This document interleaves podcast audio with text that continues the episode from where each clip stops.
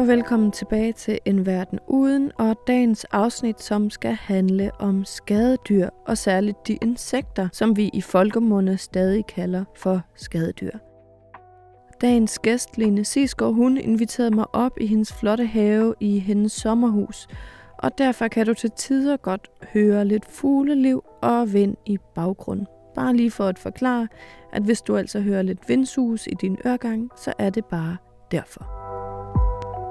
Og så er der vist ikke andet for end at sige, at podcasten selvfølgelig er udgivet af Danmarks største fagforening for digitale, naturvidenskabelige og ingeniører, IDA, og i samarbejde med det faglige netværk IDA Bioscience.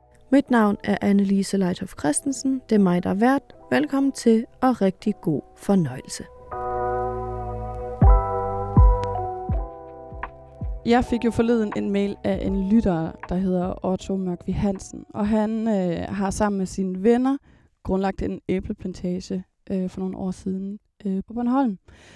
Øh, og de havde så plantet et par tusind øh, æbletræer, og de har det jo egentlig godt, men de har problemer med bladlus, fortæller han. Og han ville sådan høre, hvordan et verden måske kunne se ud uden bladlus. Og jeg gik jo selvfølgelig i gang med at læse lidt om de her bladlus, om skadedyr generelt, og det er jo ret vildt med skadedyr, og særligt måske i landbrug, fordi jeg kunne læse, at de kan gøre et ret stort indhug på høsten og udbyttet. Og derfor stiller sig jo det oplagte spørgsmål, øh, om det ikke kunne være smart med en verden uden skadedyr. Og ja, for at få svar på det spørgsmål, øh, der får jeg hjælp fra dig, Lene Sisgaard, du er øh, lektor på sektionen for organismebiologi på øh, plante- og miljøvidenskab på Københavns Universitet. Øh, og er det helt forkert, hvis jeg nu siger, at du studerer skadedyr, altså særligt insekter og midder, og så landbruget, ikke? og det forhold mellem, mellem de to? Nej, det er sådan set rigtigt nok. Jeg har bare altid interesseret mig mest for det, vi kalder nyttedyr. Ja. Øh, især øh, rovinsekter, snyltevepse, og hvordan de kan regulere de her skadedyr. Så ja, det er rigtigt nok, og jeg er jo meget interesseret også i æbler og bladlus i æbler, som du måske ved. Men altså, måske sådan bare fra at starte sådan helt fra bunden. Altså, 80 procent af alle dyr, det er jo insekter. Og i hele verden, der har vi bestemt en million insekterarter, og der er formentlig mange flere. Og i Danmark, der har vi 20.000 arter. Og det er, øhm, ja, man kan sige, nogle af dem, der er rigtig mange af, det er biller for eksempel, det er 38 procent af alt det der, og sommerfugle 16 procent, øhm, og så kommer overvinget og myg og fluer sådan så 13 procent, og så de der bladlus, de er jo med i de næbmundet, som er sådan 10-11 procent. Øh, og så, hvis du sådan kigger ud over øh, en æbleplantage, så hvis det er sådan en lidt ældre æbleplantage, og man ikke har været alt for flittig med at sprøjte og, og gøre ved, så kan der være op til 1000 forskellige insektarter sådan en. Og der er sådan en, en øh, god tommelfingerregel, at en fjerdedel af dem, de kan være skadedyr. Og kan være skadedyr, det vil sige, det kommer jo an på antallet. Fordi hvis ikke der er så mange af dem, så er vi sådan set ligeglade. Vi er først interesserede, hvis de virkelig giver os problemer. Øh, og det gør de ikke hvert år, og øh, absolut slet ikke alle sammen. Og så er der en fjerdedel, som er, som vi i hvert fald, øh, med det vi ved i dag, vi, vi kalder nyttedyr, fordi de bestøver, eller de er naturlige fjender af skadedyrene. Og så de sidste 50 procent, øh, ja, så vidt vi ved, så er de der bare og så synes jeg også, at øh, inden vi sådan ligesom øh, går, går videre ind i skadedyrene, så skal man jo også huske øh, alle de der økosystemtjenester, vi får ud af insekterne. Og øh, jeg har jo brugt det meste af min tid på, på biologisk bekæmpelse, eller der er nogen, der er begyndt at sige biologisk kontrol bare. Og så også noget tid på bestøvere. Øh, men øh, insekter spiller jo også en enorm vigtig rolle som nedbrydere og insekter er enormt vigtige for hele vores fugleliv og for vores dyreliv som mad. Så insekter er, er så meget, og så er der nogle få, der er skadedyr, og de kommer altså ind imellem til at give nogle problemer. Og det, som jeg så er optaget af, det er, hvad kan vi gøre for at reducere de problemer, uden at bruge bekæmpelsesmidler. Ja, et spørgsmål, synes jeg er helt grundlæggende, ikke? er jo det der, hvorfor kalder vi nogle organismer for skadedyr? Og ja, ikke? man siger jo også bekæmpelse, ikke? som om, at det er en slags fjende, men hvordan, øh, hvordan ser du det? Jamen, det er det jo, altså. Altså, hvad er det? Altså, jeg har jo været ude og plukke æbler i min have, ikke? Og øh, der var nogle af dem med hul i, fordi der var æblevikler i. Og det ville jeg jo gerne have undgået. Fordi de æbler, de er jo lidt vanskeligere at bruge. Man står der med en kniv og skærer fra og så videre, ikke også? Og øh, nogle af dem havde der været bladlus på. Og det er sikkert den der røde æblebladlus, de har problemer med på Bornholm. Og øh, hvis der er for mange af dem, så stresser det træet. De suger jo inden fra øh, floimet, og der er jo en masse sukker i. De kan slet ikke bruge alt det sukker. Så ud af bagenden, der kommer honningduk, og så bliver bladene klistrede og sortagtige, og der gror sådan noget øh, sort svamp. Og oven i købet, så har de noget, der er spyt, som gør, at bladene sådan ligesom krøller lidt op, og så kommer der til de her helt små æbler. Jeg ved ikke, om du har set det, sådan nogle små, nogen, vi kalder lusseæbler. Og øh, en af de ting, vi har kigget på, faktisk i forhold til begge de der øh, to øh, rigtig vigtige skadedyr, synes vi, fordi at det er nogen, der koster frugtavlerne skader og tab, det har været, jamen hvad sker der, hvis vi Øh, øger plantediversiteten i frugtplantagen? Hvad sker der, hvis vi planter blomsterstriber ud? Øh, enten i den ene side af plantagen, eller imellem hver eneste række af træer. Og det har vi faktisk øh, set nogle rigtig positive resultater af, øh, hvor vi har fundet ud af, at der kommer flere nyttedyr ind i plantagen, og øh, også at mængden af skadedyr bliver påvirket. Og så kunne vi også se, at øh, mængden af skadet frugt begyndt at falde. Desværre, øh, så, så er det sådan, at de fleste projekter af den type her, der har man jo penge til tre år. Og, øh, og der, hvor der er rigtig tydelige positive effekter, og det gælder ikke bare på øh, bekæmpelse af skadedyr, men faktisk også på mængden af bestøvere, det er, når man kigger videre i år 4 og år 5, fordi at de gode populationer, de skal jo nå at bygge op. Hvis du har, så at sige, det kunne både være, hvis, hvis du har sprøjtet dem væk, eller hvis der på anden måde bare har været dårlige levevilkår, så kommer de jo ikke bare sådan lige ud af det ene ingenting. De skal flyve ind, og de skal opformere sig, og de skal kunne overvintre, øh, og der skal være noget at leve af. Og, og det er jo en af de steder, hvor, hvor det kan være lidt, lidt tyndt, hvis der bare er æbletræer og ikke så meget andet. Fordi indimellem er der jo ikke nogen skadedyr oppe i æbletræet. Hvad skal de så æde? Og så kan de nede i blomsterstriberne få fat i noget pollen og nektar, og øh, de kan også få fat i insekter, der lever dernede. Dit personlige forhold til ordet skadedyr, eller også til skadedyr helt generelt, hvordan vil du beskrive det?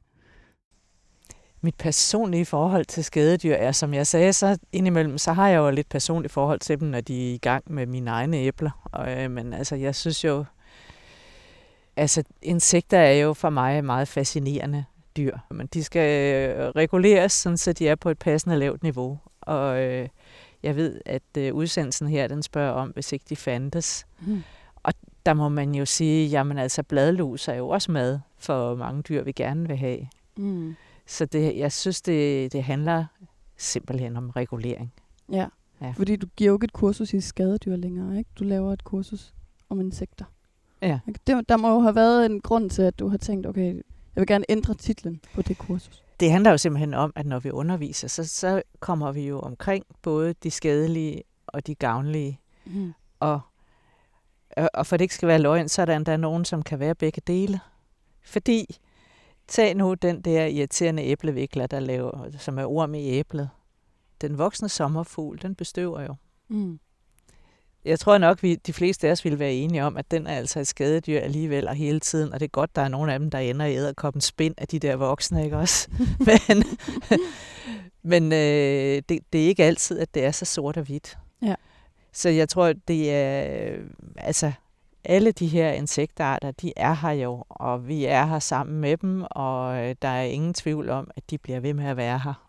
Og vi kommer ikke af med dem. Vi kan godt forestille os øh, en verden uden insekter, men det ville jo være en, en meget død verden. Mm. Og, og det kedelige, det er jo, at tit, når vi prøver at bekæmpe med, med, altså med virkelig effektive pesticider, så er de ikke så simpelt, så får man også øh, dræbt de naturlige fjender mm. og bestøverne.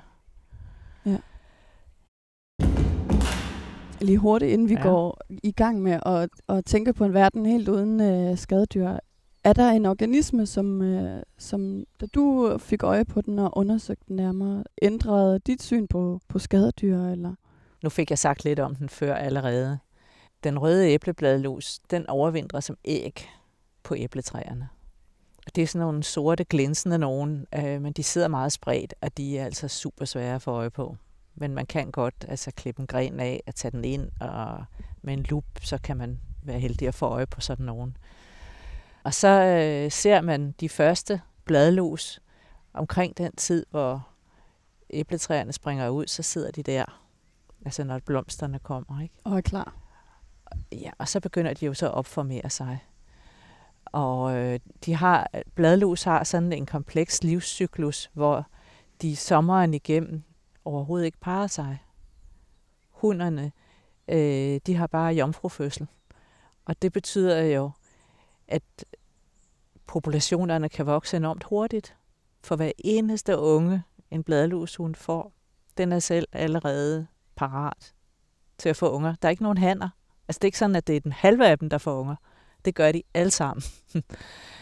øh, og øh, det betyder jo, at hvis du sætter dig ned og regner på øh, sådan nogle bladlus, så siger jeg, at en hund, den får mm, måske, øh, hvad skal vi sige, et par nymfer om dagen i en periode på et par uger, måske tre uger, og de hver gør det samme at så ville det blive helt vanvittigt. Altså, så ville du til sidst kunne se sådan togvogne fulde af bladlus fra det der ene træ. Og sådan går det jo ikke. Øh, og der er alle mulige ting, øh, der kan gøre livet farligt for en bladlus. Bare regn, for eksempel. Øh, og selvfølgelig naturlige fjender og sygdomme også. Hvad der er specielt for den røde æblebladlus, det er så, at når, når øh, vi kommer hen omkring slut juni, øh, start juli, så søger de fleste af dem i hvert fald, de søger ud til Vejbred, som er deres sommervært. Og så er de der indtil de så omkring 1. september søger tilbage til øh, æbletræet, og der har de så deres kønnede stadier, hvor der faktisk er han og hun, og der parer sig, og så bliver der lagt de her æg. Mm. Ja. Så sådan er deres liv. Ja. og øh, der er jo der er faktisk kollegaer til mig, øh, der har kigget på, jamen kunne vi så ikke bare udrydde alle de vejbred? Så kunne vi måske komme af med dem. Mm. Og altså, der er bare sindssygt meget vejbred. Du kan bare kigge ned i min græsplæne. der, er, der er virkelig meget vejbred. Og, øh, og der var så nogen, der prøvede det, og de kunne altså ingen forskel se. Nej, okay. okay. Lidt en umulig uh, kamp. det er lidt en umulig kollega. kamp. Vi har haft en samme snak om uh, havrebladlusen, som jo er et rigtig træls skadedyr i korn. Mm. Den, har, den er så kornet af dens uh, sommervært. Ligesom mm. vejbredden af den røde æblebladluses sommervært. Og så er uh, havrebladlusens vintervært, det er hæ. Ja. Vi har sindssygt meget hæ. Ud over hele, hele det havrebladlus, det er også øh, det er fra Danmark og så op nordpå. Ja. Så betyder den ikke lige så meget, når du kommer mod syd. Og der har også været snak om, jamen kunne vi ikke bare fjerne alt det hæ? Ja. Altså. Og så er der jo altså også andre gode ting ved hæ. Så den idé har vi helt forladt. Ja. Og det er ikke engang sådan, hvis man kan sige, hvis du nu har en mark her, og så du fældet alt alt sommervejr eller alt vintervejr omkring, at så vil marken blive fri, fordi når bladlus spreder sig, så er de tit sådan højt op i luften mm-hmm. og bliver båret af vinden. Så hvor det lige er, øh, at der lander et par stykker og begynder at formere sig i sådan en plettet sted. Mm. Altså svært at sige. Ja. Men så I har selv blandt kollegaer en gang imellem sådan nogle idéer med sådan, hvordan kan vi få ryddet nogle bestemte skadedyr helt af vejen? Ja, altså, der er enkelte gange, hvor det har lykkedes. Ja. Og øh, nu snakker vi om æblevikleren før, ja. og det er faktisk et eksempel på, at man har haft held til at gøre det. Der bruger man sterile hanner, Øh, og de kan så for eksempel blive strålebehandlet eller kemisk behandlet, sådan så de er sterile. Og så skal du have for eksempel en ø. Mm. Øh, eller et landområde, hvor du bare har... Altså æblevikleren, det er æble og øh, nogle andre få værter. Så hvis du har en ø, vi siger en ø, det er nok det bedste eksempel, og så du slipper en hel masse sterile hanner derned, så peger alle hunderne sig, tror de har parret sig for at kunne lægge æg, men de har parret sig med sterile hanner. Mm det er en måde at kunne udrydde, i hvert fald for en tid, mm. indtil der er en anden en, der har et æble med i tasken, hvor der var en orm i, og som mm. smider den i en kurv et sted eller noget. og så kan man starte forfra. Ja. ja. Øhm. Så altså, du kan sige, altså her i Europa, nej, det kan vi ikke. Nej. Altså det, er jo, det er, øh, eksemplerne kommer, jeg mener, det er fra øh, Latinamerika lige med æblevikleren, hvor jeg, æbler blev introduceret, og så havde man sådan en isoleret plet, hvor man så havde held til den der teknik. Men ja her der er det jo mere noget, vi snakker om med nogle af de der invasive arter, om, om vi kan udrydde dem. Ja. En verden uden skadedyr. Nu skal vi se, om vi kan forestille os det. Når du forestiller dig en verden uden skadedyr, hvad vil du tænke var det første tegn på, at de ikke længere var der?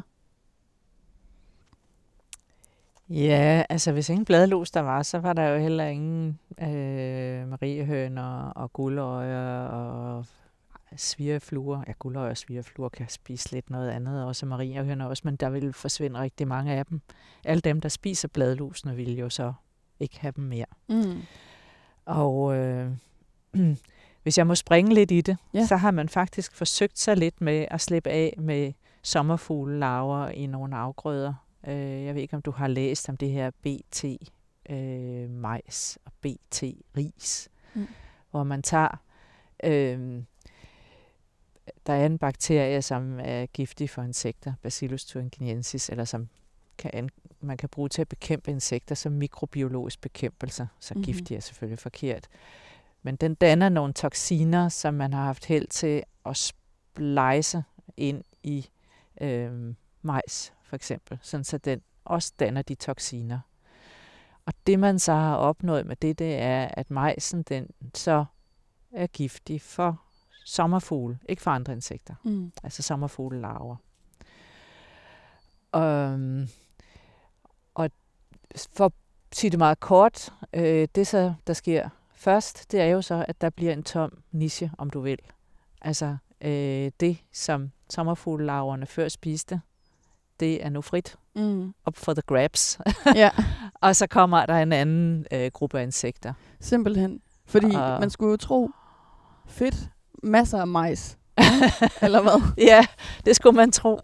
Så, så det, man har set, det er, at der er øh, en af de værste sommerfuglelarver i majs. Det er øh, hvad er det, majsborer, kalder, hvad, hvad kalder de den nu populært? Det er i hvert fald helicoverpa. Mm. Og, øh, og de kommer væk, de plejer at sidde og spise øh, det, vi vil have. Mm. Altså den unge majs, når den er ved at udvikle sig. Og så har du så pludselig nogle tæger, der er op og spiser af den i stedet for. Mm. Så, Som så jeg ved ikke, om det var helt svar på de spørgsmål, for her har jeg jo så ikke fjernet alle insekter, men øh, der har i hvert fald været forsøg på så at fjerne en. Og så opnåede man, at der var nogle andre, der fyldte den her tomme niche ud. Og det næste, der skete, det var jo så, at, eller vil ske, sker, er, at der opbygges resistens.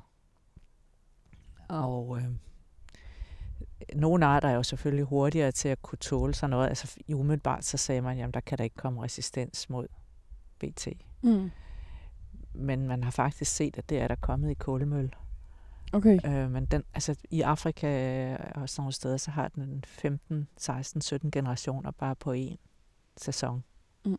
Så skal der jo nemt kunne komme et enkelt individ. Der kan klare sig. Der kan klare sig. Ja. Så man kan sige, at vi mennesker, vi har jo prøvet men, øh, men vi har ikke lykkedes endnu, og jeg, kan, jeg må indrømme, at jeg kan jeg kan ikke forestille mig det. Fordi det er ligesom, et, jeg, jeg, kan slet, jeg kan måske ikke forestille mig. En verden uden skadedyr. Fordi, ja, hvis fordi man... det bliver ligesom en verden uden insekter. Ja. Øh, og hvis vi har en verden uden insekter, jamen så har vi jo heller ikke nogen fugle. Og øh, der er jo mange fugle, der fodrer deres unger med insekter. Og øh, vi andre har jo også brug for insekterne til at bestøve vores blomster og vores, alle, alle de afgrøder, som skal bestøves. Mm. Det er jo det er jo ikke, altså der er jo selvfølgelig mad, vi spiser, som ikke skal bestøves, ligesom korn og kartofler, som vi får mere øh, ved knoldene. Mm. Men rigtig meget af det, vi gerne vil have, og som vi faktisk køber og spiser mere mere af, som frugt og grøntsager, det skal jo bestøves. Ja. Ja. Men det er jo det, der er så interessant, fordi vi på en eller anden måde gerne vil, vil beskytte vores afgrøder fra ja. skadedyr, ikke? Altså så har man haft en meget øh, sådan umiddelbar tilgang, at så kan vi bare udrydde det, og så er problemet løst. Jo, det er det, man kalder silver bullet. Ja. og, øh, og det er jo svært på en måde at, øh, at argumentere imod, at når man tester øh, traditionelle pesticider og gerne vil op på en effekt på, øh, på den anden side af 90 procent, måske 98 procent dræbte eller noget, og, og så argumentere for blomsterstriber og andre, hvad skal man sige, bløde tiltag, hvor det man umiddelbart kan vise måske bare er 20 procent eller 30 procent. Vi, vi arbejder jo også med opdræt af insekter, og så sætte nyttige insekter ud. Og øh, mine kolleger arbejder med mikrobiologisk bekæmpelse og, og kunne øh, sætte det ud. Og, og nogle gange har øh, vi rigtig god succes, og så er det måske 50 procent eller et eller andet, men vi kan jo ikke konkurrere med 98 procent. Men det vi så til gengæld kan konkurrere med, det er, at vi ikke slår en hel masse andet ihjel samtidig. Og så må man bare sige, at man er nødt til at have en bredere tilgang, sådan så man både siger, jamen okay, nu skal jeg dyrke en eller anden afgrøde, vi kan sige æbler. Jeg kan ikke plante alle sorter, fordi nogle af de her sorter, de er meget udsatte. Jeg vælger nogle andre nogen. Jeg planter ikke hele plantagen til med den samme sort. Jeg tager lidt forskellige. Jeg har ikke æbler ud over det hele. Jeg har også nogle pærer og nogle kirsebær og nogle enårige afgrøder. Så jeg spreder min risiko, og jeg sørger også for, at der ikke er helt... Altså, hvis du tænker dig, for nu lige at springe i det, altså en mark fuld af en afgrøde. Hvis du nu er en, nu, nu hvis vi bare siger, en planteædende insekt, og du kommer til den mark, og den lige har det rette stadie for dig. Du spiser spire, den er fuld af spire. Wow! og det, det gælder jo om i virkeligheden for os mennesker at sørge for, at vores venner, de naturlige fjender, de har gode levevilkår her øh, i den der mark, så de har et sted at skjule sig, at de har noget andet at spise, så de er parat, så vi ligesom er væbnet til tænderne på forhånd, og så at afgrøden så at sige er skjult. For eksempel noget andet, jeg er meget fascineret af, nu er jeg meget fascineret af det her med blomsterstriber i æbleplantager, fordi du ved, æbleplantager, de står 15-20 år, så man kan jo ikke lige flytte rundt på dem, hvis man har et problem. Så der gælder det altså om at holde dem sunde lige fra start. Men hvis du tager enårige afgrøder og også øh, øh, ja, men enårige afgrøder, der er jeg meget fascineret af de muligheder, vi har fået nu med at kunne dyrke striber. 3 meter striber for eksempel. Så kan du have, øh, vi har øh, noget forsøg nede ved Nordic Beet Research i Holeby med striber, hvor vi har op til otte forskellige afgrøder, som ligger. Så hvis du ser det op fra en drone, så ligner det sådan en stribet sweater Mm. med, med alle mulige farver. Og det tror jeg jo på, at det må hjælpe til at reducere mængden af skadedyr. Fordi for det første, så er der så nogle bedre levesteder for nyttedyrene. En af striberne, det er roer. Der er sådan nogle dejlige brede blade, der giver noget skygge. Der kan man så gå nedenunder, hvis man er en løbebil, og have det sådan lidt rart i skyggen, hvis det er en tør, varm dag. Til gengæld, så kan man så suse over i kornet, hvor der måske sidder nogle bladlus. Så øh, al erfaring og alle data og en hulens masse forskning siger, at stribedyrkning det er bedre end at have en mark med det samme. Mm. Så er der nogle tekniske udfordringer, øh, som vi også diskuterer og, og arbejder med øh, agronomer og andre om at løse med, hvordan kører man meget præcist, øh, sådan så man får høstet og ikke får lavet en hel masse julespor og sådan noget. Mm. Så, så diversificering af afgrøden, altså nu snakkede jeg før om diversificering med, med vilde blomster. Altså jeg er meget optaget af flereårige hjemmehørende vilde blomster, fordi det er dem, der passer til vores naturlige insektfauna, og så er man en blanding ud af dem, som blomstrer både tidligt og i midten og sent. Så, øh, så har man altså skabt de bedste betingelser for de naturlige fjender, for bestøverne og i det hele taget for biodiversiteten. Og så er der nogen, der siger til mig, jamen Lene, du burde ikke kalde dem blomsterstriber, fordi det er jo ikke det hele, der blomstrer på en gang. Mm. Så nogle gange, når man kommer ud og kigger på dem, så tænker man, ah, de ser sgu da lidt grønne ud. Altså, de ligner ikke sådan et eller andet øh, blomstrende haveanlæg, vel? Nej. Det er sådan lidt pletvist. Ja. Men det er sådan, det skal være. Ja. Øh, bare hvis du ser sådan en blomsterstribe. Fordi der er en, der har sagt til mig, skal du ikke til at kalde dem vegetationsstriber? Og jeg går lidt og tænker over det. Ja. Du er ikke, du er ikke helt overbevist. jeg er ikke helt overbevist. Jeg kan godt se argumentet, ikke? men det skal i hvert fald være et bredt udsnit af, ja. af, af hjemmehørende arter. Og så kan man sige også, som til gode ser de arter, vi gerne vil til gode se. Mm. For eksempel mine rovinsekter, de har jo ikke de der muligheder for at suge ned i dybe blomster, som bierne har. Nej. Så de har brug for mere åbne blomster. Ja. ja. Så det også handler også om at vide lidt om dem, man gerne vil tiltrække. Ja, præcis. Ja. Jeg, jeg synes, der er rigtig meget, som i virkeligheden handler om viden her. Mm. Og øh, vi er jo ved at blive klogere på, hvad de forskellige nyttedyrs behov er, og hvordan vi kan tilgodese dem. Og der er stadigvæk mere at gøre her. Ja. Altså, det jeg tænker, det er, det er jo ikke bare volumen af den der ressource, som vi sætter ind i for eksempel frugtplantagen eller i marken af blomsterstriber, men det er også, hvor er den henne? Hvor tæt skal den være henne mm. til afgrøden? Og hvad skal varigheden være? Må jeg ikke lige høre en ting? Ja. Øhm, hvornår gik det op for dig, at, at det er den vej, man skal gå? Ved du hvad? da jeg var studerende. Ja. Uh, vi var en gruppe studerende, som var ret sikre på, at uh, det var den vej, vi skulle gå. Og vi blev virkelig faktisk, uh, nogle af vores lærere dengang, de hånede os. At de syntes, det var så latterligt. Øhm. Hvorfor? Jamen, de sagde, at det, det havde ikke engang på jord. Det var dybt urealistisk. Og øh, de synes simpelthen, at vi spildte både deres tid og vores egen.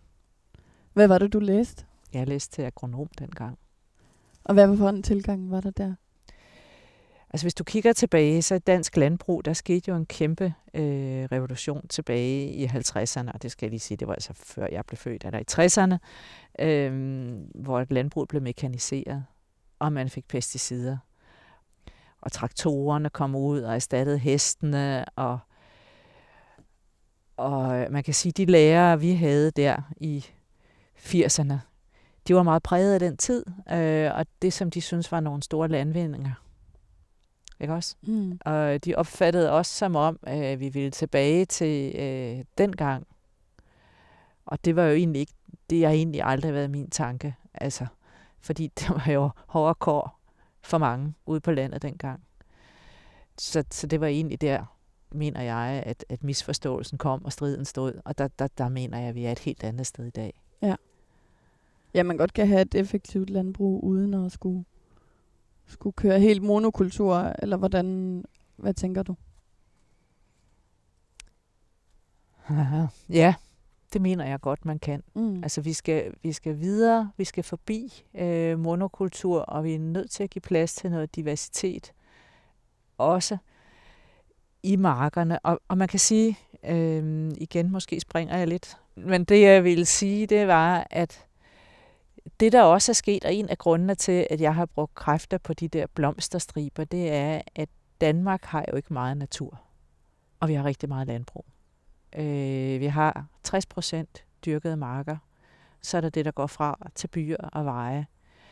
Og det, som øh, man erfarer som landmand i dag, det er jo, at der ikke på samme måde kommer naturligt øh, flyvende ind fra ens omgivelser, bestøver og naturlige fjender ind i marken. For hvor skulle de komme fra? Mm. Hvor skulle de komme fra? Og det giver jo, øh, har skabt et nyt behov for, at man også skaber biodiversitet og levesteder i og omkring markerne. Mm. Så vi kan ikke dele landet op. Altså, vi kan ikke sige, at vi, vi har de her øh, nationalparker, og vi har naturnationalparker, og vi har fredet natur, og så har vi bare vores planteproduktion, og det kan bare være kæmpe store, super effektive monokulturmarker. Og så kører det bare. Mm. For det kommer det ikke til. Øh, og det, det er jo en af de ting, som vi diskuterer i de her år, og jeg har sat det enormt skarpt op. Men øh, noget sandhed er der i det. Ja.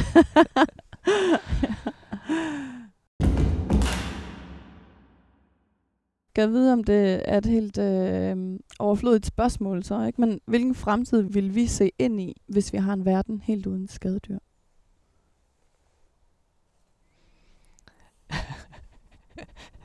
Jamen, jeg kan ikke se den. Nej. Altså, øh, eller hvis jeg gør, så, øh, så er det ikke et sted, vi vil hen.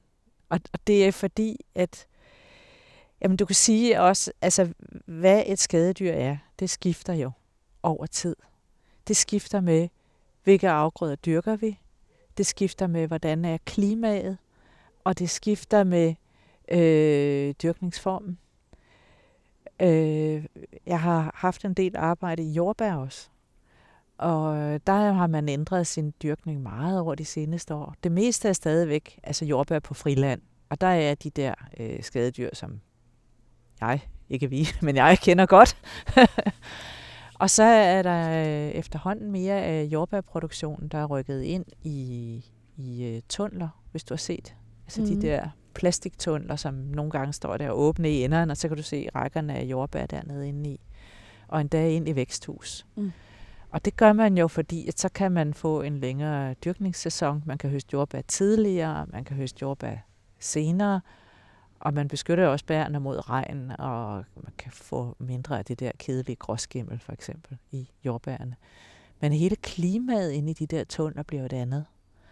Og så skifter vi pludselig fra, at det er hindbærsnudbilen, ja, som både går på jordbær og hindbær, altså, og øh, jordbærvikleren til, at så kan man se lidt jordbærvikler stadigvæk inde i tunnelerne, men så er det pludselig sådan typisk nogle af de skadedyr, du ser inde i drivhuse, så er det pludselig bladlus, og det er trips, øh, mellus, og sådan nogle ting. Mm. Og så er det jo, så kommer der nye udfordringer til.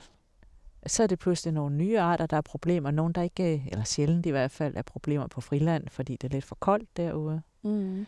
Så det, det følger jo, hvad vi mennesker gør. Så hvis du, hvis du nu sagde, at øh, nu udrydder vi alt det, vi ved af, af skadedyr i en eller anden afgrøde, så, så tror jeg egentlig, at der vil komme noget af den samme ting. At for det første, så vil vi have nogle kaskadeeffekter mod andre insekter, som plejede at leve af dem og sammen med dem. Nogle af de funktioner, de måske også har, som vi ikke lige tænker på, de ville forsvinde med dem. Og der vil jo være øh, tomme nischer at fylde ud. Altså, hvis du stiller en kæmpe ressource der, og ikke nogen, der æder af den, så tror jeg i hvert fald over tid, at så øh, vil den niche fylde ud. Jeg tror simpelthen ikke, øh, det er et mål, vi skal forfølge. Og jeg tror ikke, det er noget, vi skal ønske os eller håbe på. Men jeg forstår inderligt godt øh, de der øh, frustrerede landmænd, fordi den røde æblebladlus, den er rigtig, rigtig ærgerlig. Jeg tror meget mere på, at vi skal udvikle vores viden. Vi skal blive klogere på, hvordan vi understøtter de gavnlige insekter øh, frem for de skadelige. Vi skal udnytte alle de muligheder, vi har med ny teknologi og ny viden til at blive bedre til at producere planter.